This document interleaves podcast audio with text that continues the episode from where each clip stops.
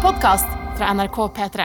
Skrekk og survival er stikkordene for denne podkasten. Yes, og i dag skal vi overleve i et bitte lite propellfly over Det indiske hav i Horizon Line. Og i Complay skal vi bli med og følge en liten gutts kamp mot monsteret bak skjermen.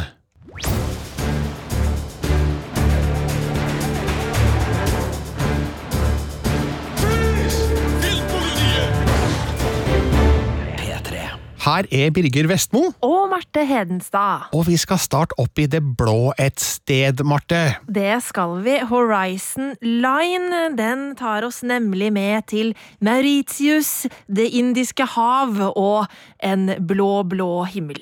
This is your captain welcoming you to Wyman Air Flight 227. You remember those lessons I used to give you? You ready to give it a go? Make sure that the horizon stays level right here. I'm going to turn off the autopilot. Look, Ma. He's having a heart attack. It's okay. It's okay.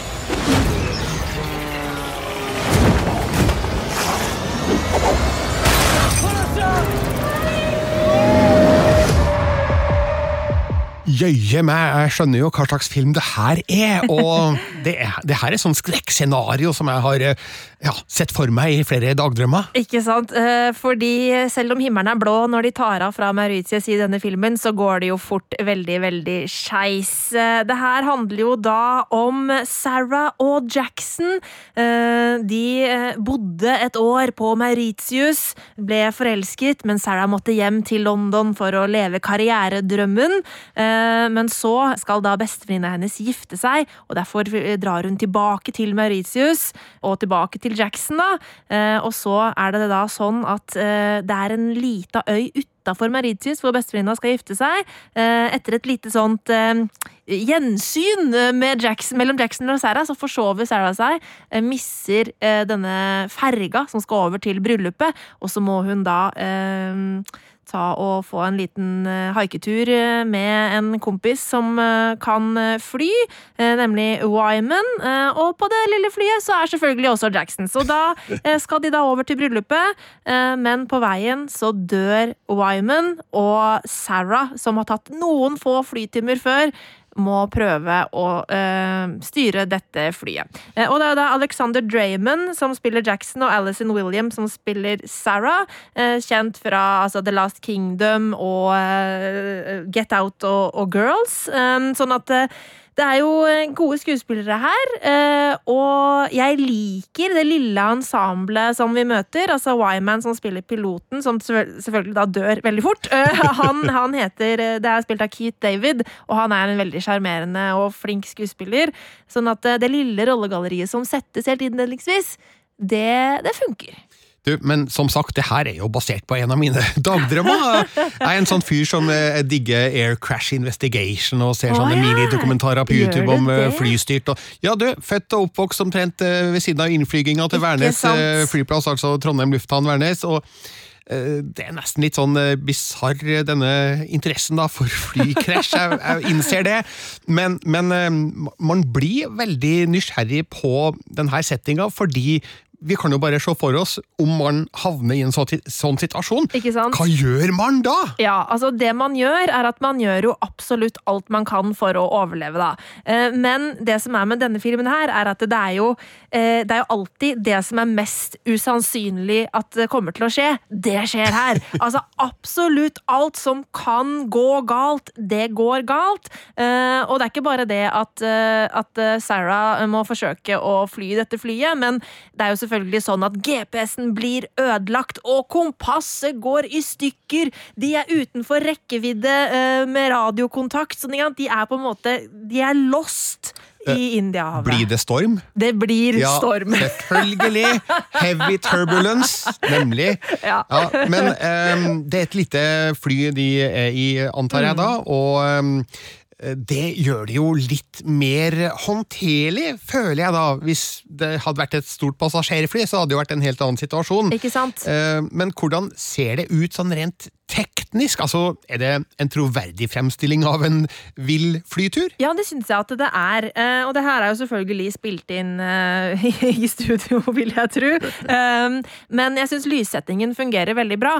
Det som er fordelen med når du, når du spiller inn, eller skal lage en film som foregår eh, altså like ved ekvator, eh, så er jo sola såpass høyt på himmelen når det er sol, at det er lett å lyssette. Altså, det er bare jævla lyst. Ja. Sånn at for ofte når du eh, spiller ting mot grønnskjerm, så er, er det det som gjør at du ofte begynner å liksom synes at ting skurrer, er at lyssettingen er rar.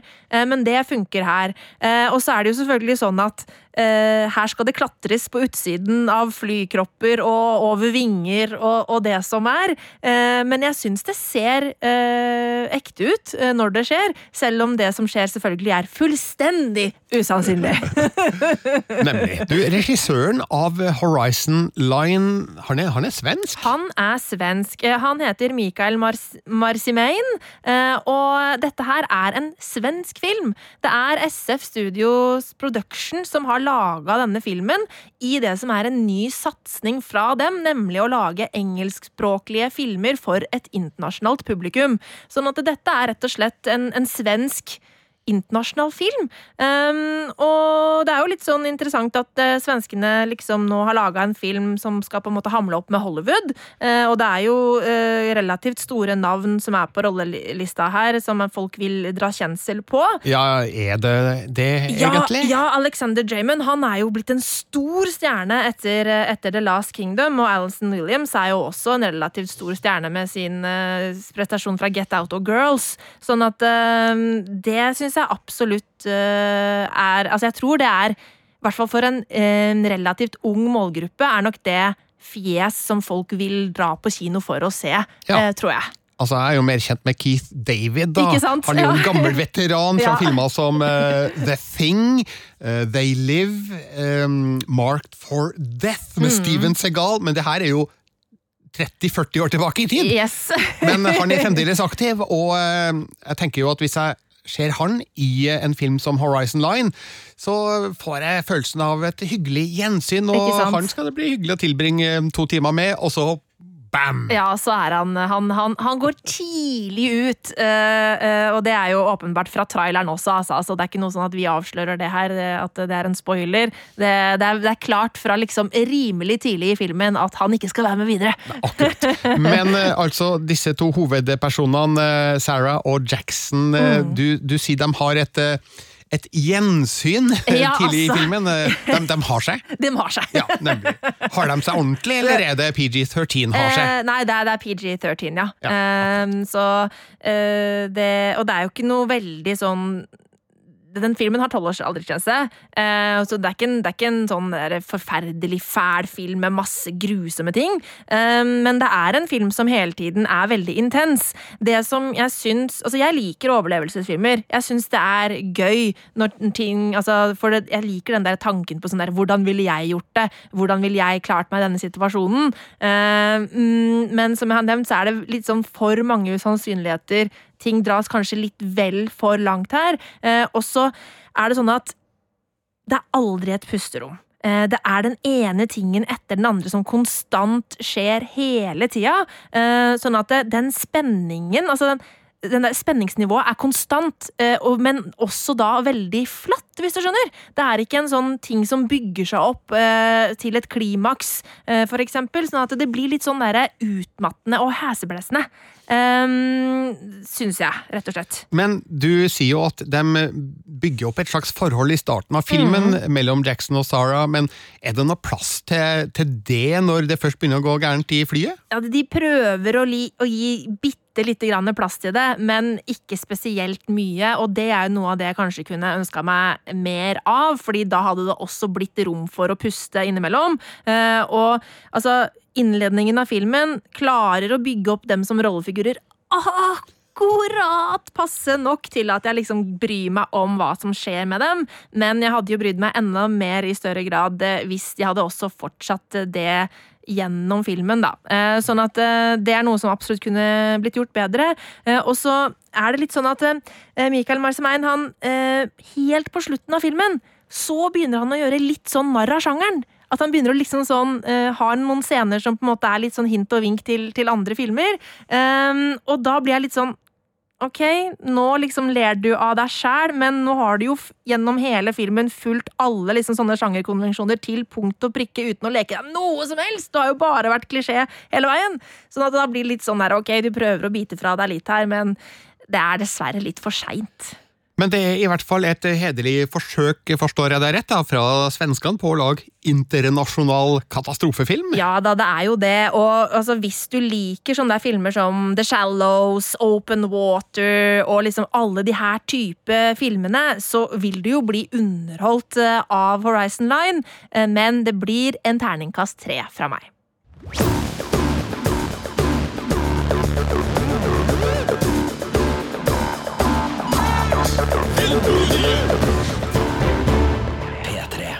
Det var altså survival, og da skal vi over til skrekk. Det vil si, skrekken er vel også en del av Horizon Line? Ja, altså det er jo uh, altså, i hvert fall frykten. Altså frykten for å dø, frykten for å miste alt. Ja. ikke sant? Den er jo der. Så da kan vi jo egentlig si at uh, skrekk og survival gjelder også den neste filmen vi skal snakke om, nemlig Come Play.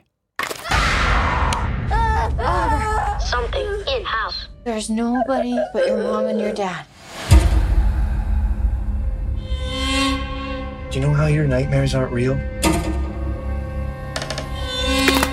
Neither are ghosts or ghouls.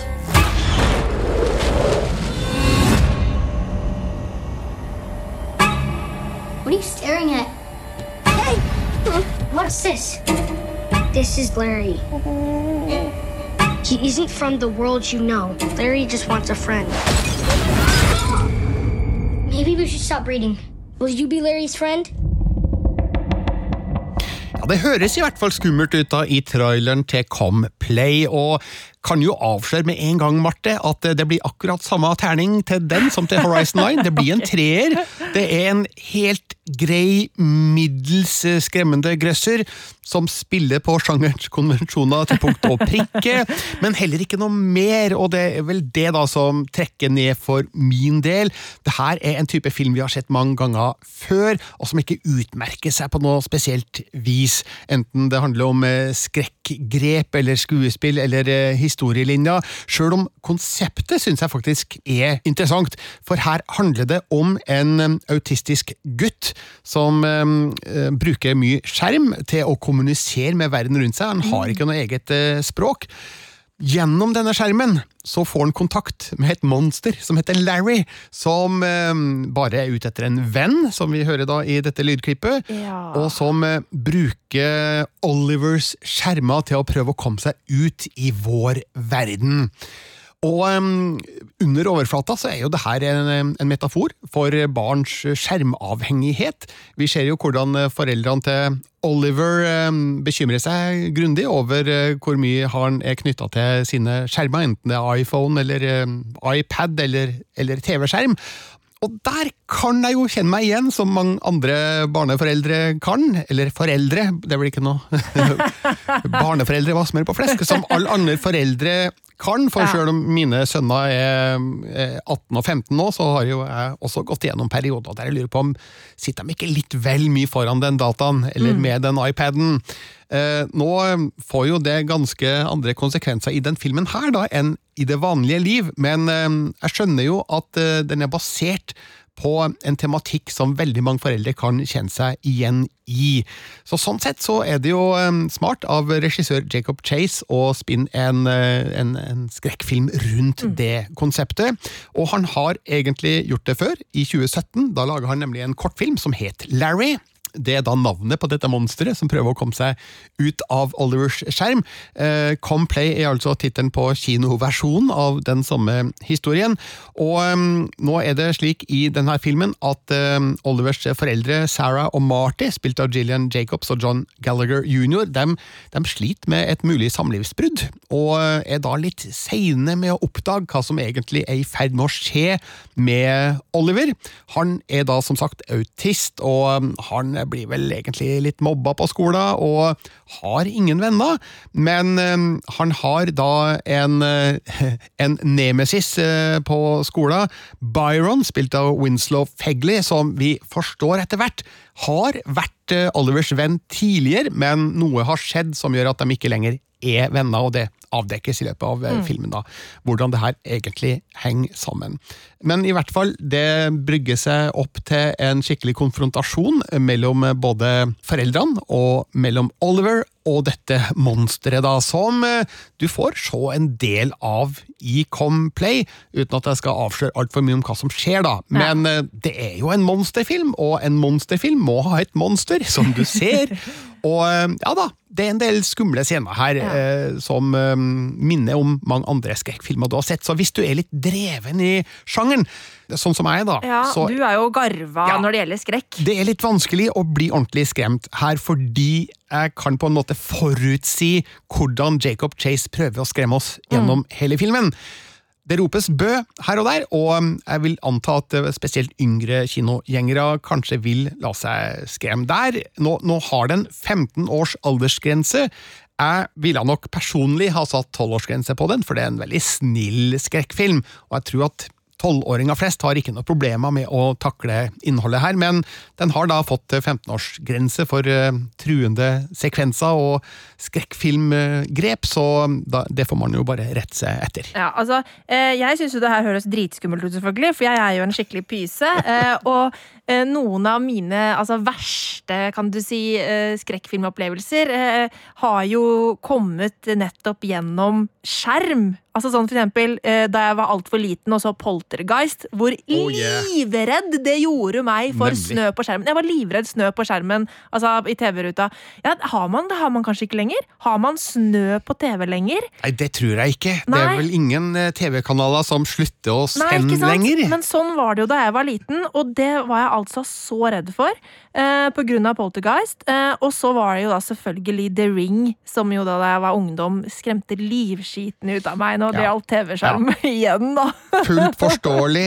Nå vil jeg nok si at begge de to filmene du nevner her, er langt mer skremmende enn det Complay er, men eh, den spiller jo på vår skjermbruk, som sagt, og eh, man kan jo muligens la seg uroe av eh, hva skjermbruken fører til i denne filmen.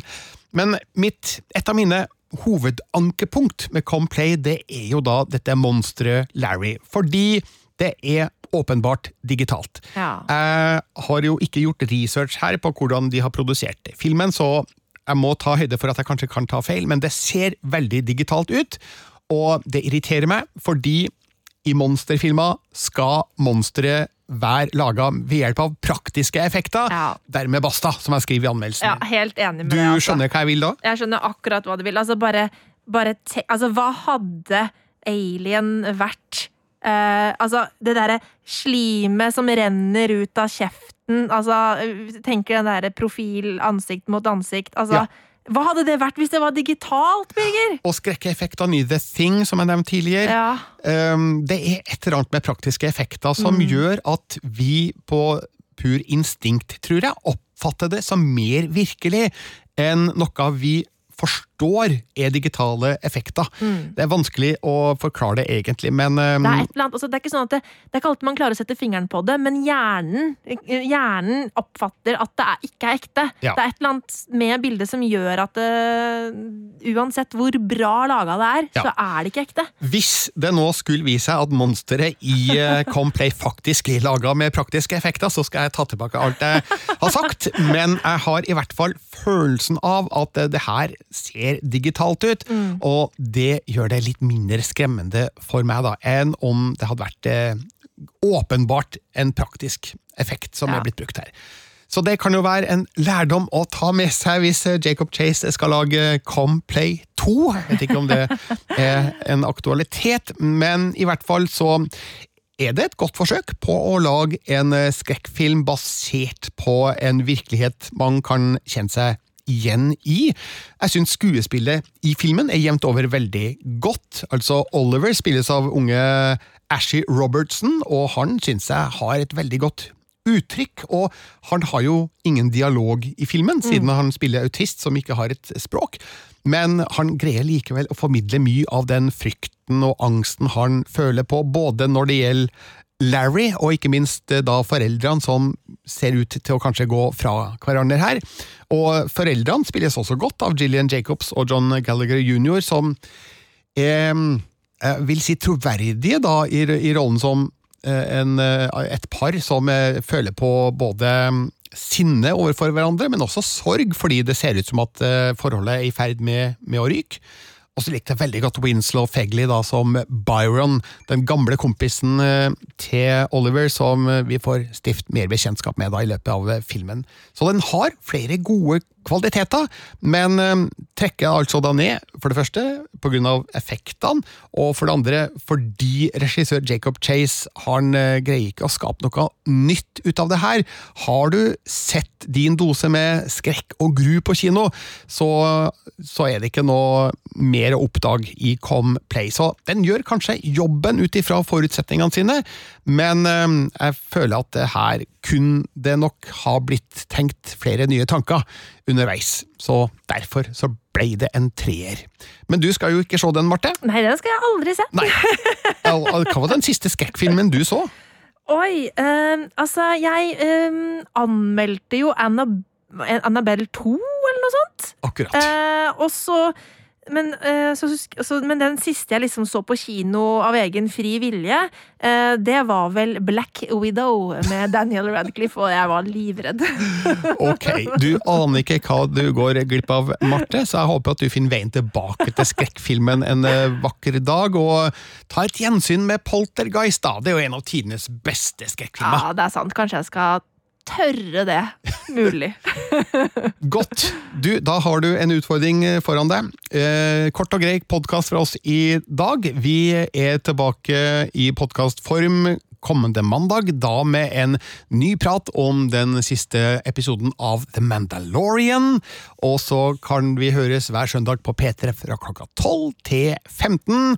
Og vi har også et nærvær på sosiale medier, Marte. Det har vi. Hvis du har lyst til å få fatt i oss, så har vi lett å få fatt i både på Instagram og Twitter. Der finner du oss under Filmpolitiet. I studio i dag, Birger Vestmo. Og Marte Hedenstad. Du har hørt en podkast fra NRK. Hør flere podkaster og din favorittkanal i appen NRK Radio.